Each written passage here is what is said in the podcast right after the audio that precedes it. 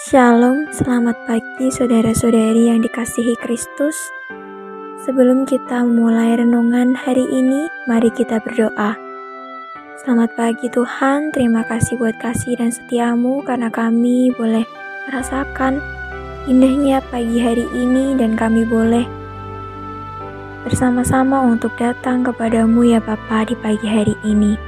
Dan saat ini kami menyerahkan seluruh aktivitas kami Biarlah Engkau yang akan menyertai dan memberkati setiap apa pun yang kami lakukan, supaya apa pun yang kami lakukan hanya untuk memuliakan namamu. Kami mau serahkan semuanya ya Bapa, hanya di dalam tangan kuasa dan kasih-Mu Tuhan Yesus Kristus. Haleluya. Amin. Bacaan Alkitab Renungan hari ini terambil dari Yakobus 5 ayat 12 sampai 20 kuasa doa orang yang benar. Doa orang yang benar, bila dengan yakin didoakan, sangat besar kuasanya. Yakobus 5 ayat 16b.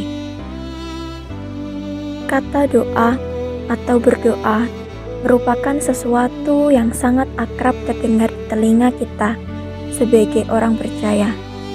Namun sayangnya, belum semua orang Kristen menjadikan doa sebagai bagian dari gaya hidupnya sehari-hari. Doa lebih berkesan sebagai bentuk kegiatan yang membosankan dan menghabiskan waktu, sehingga sering kali kita melewatkan atau mengesampingkan doa dalam aktivitas sehari-hari. Tidak jarang banyak orang yang tidak mau berdoa karena merasa tidak dapat menyusun kata-kata yang baik Padahal bukan panjangnya kata-kata atau indahnya susunan kata yang membuat sebuah doa dijawab oleh Tuhan, melainkan doa yang dinaikkan oleh orang benar itulah doa yang efektif dan sangat besar kuasanya. Mari melihat apa yang dikatakan Yakobus dalam bacaan kita hari ini. Seperti apakah doa yang efektif dan memiliki kuasa itu? Pertama, doa yang efektif adalah doa yang disampaikan oleh orang benar. Alkitab mengajarkan orang benar adalah mereka yang menerima Yesus Kristus sebagai Tuhan dan Juru Selamat sehingga mereka dibenarkan. Mereka bukannya tidak pernah berbuat salah, tetapi mereka telah dibenarkan karena percaya kepada Tuhan Yesus. Kedua, Doa yang efektif muncul karena adanya keyakinan. Keyakinan bisa muncul karena tidak ada tuduhan di hati kita. Itu sebabnya Yakobus 5 ayat 16a mengajarkan untuk kita saling mengaku dosa sebelum saling mendoakan.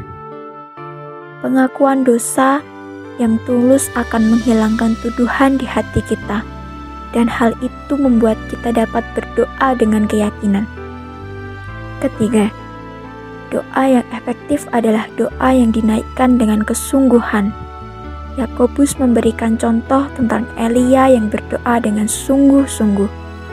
Kesungguhan dalam doa melibatkan ketekunan.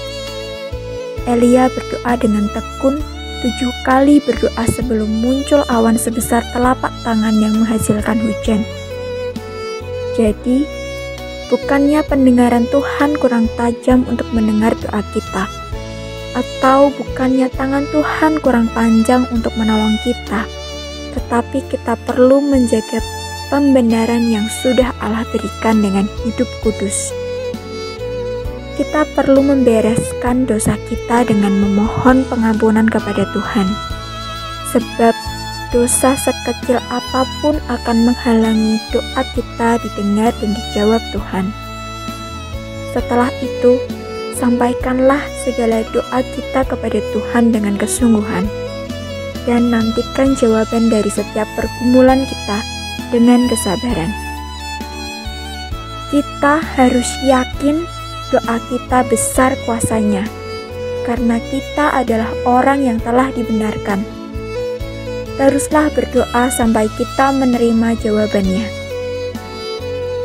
Pokok doa kita untuk hari ini kita akan bersama-sama berdoa untuk pelayanan di PPW Ampel, untuk kebutuhan gembala dan perkembangan jemaat.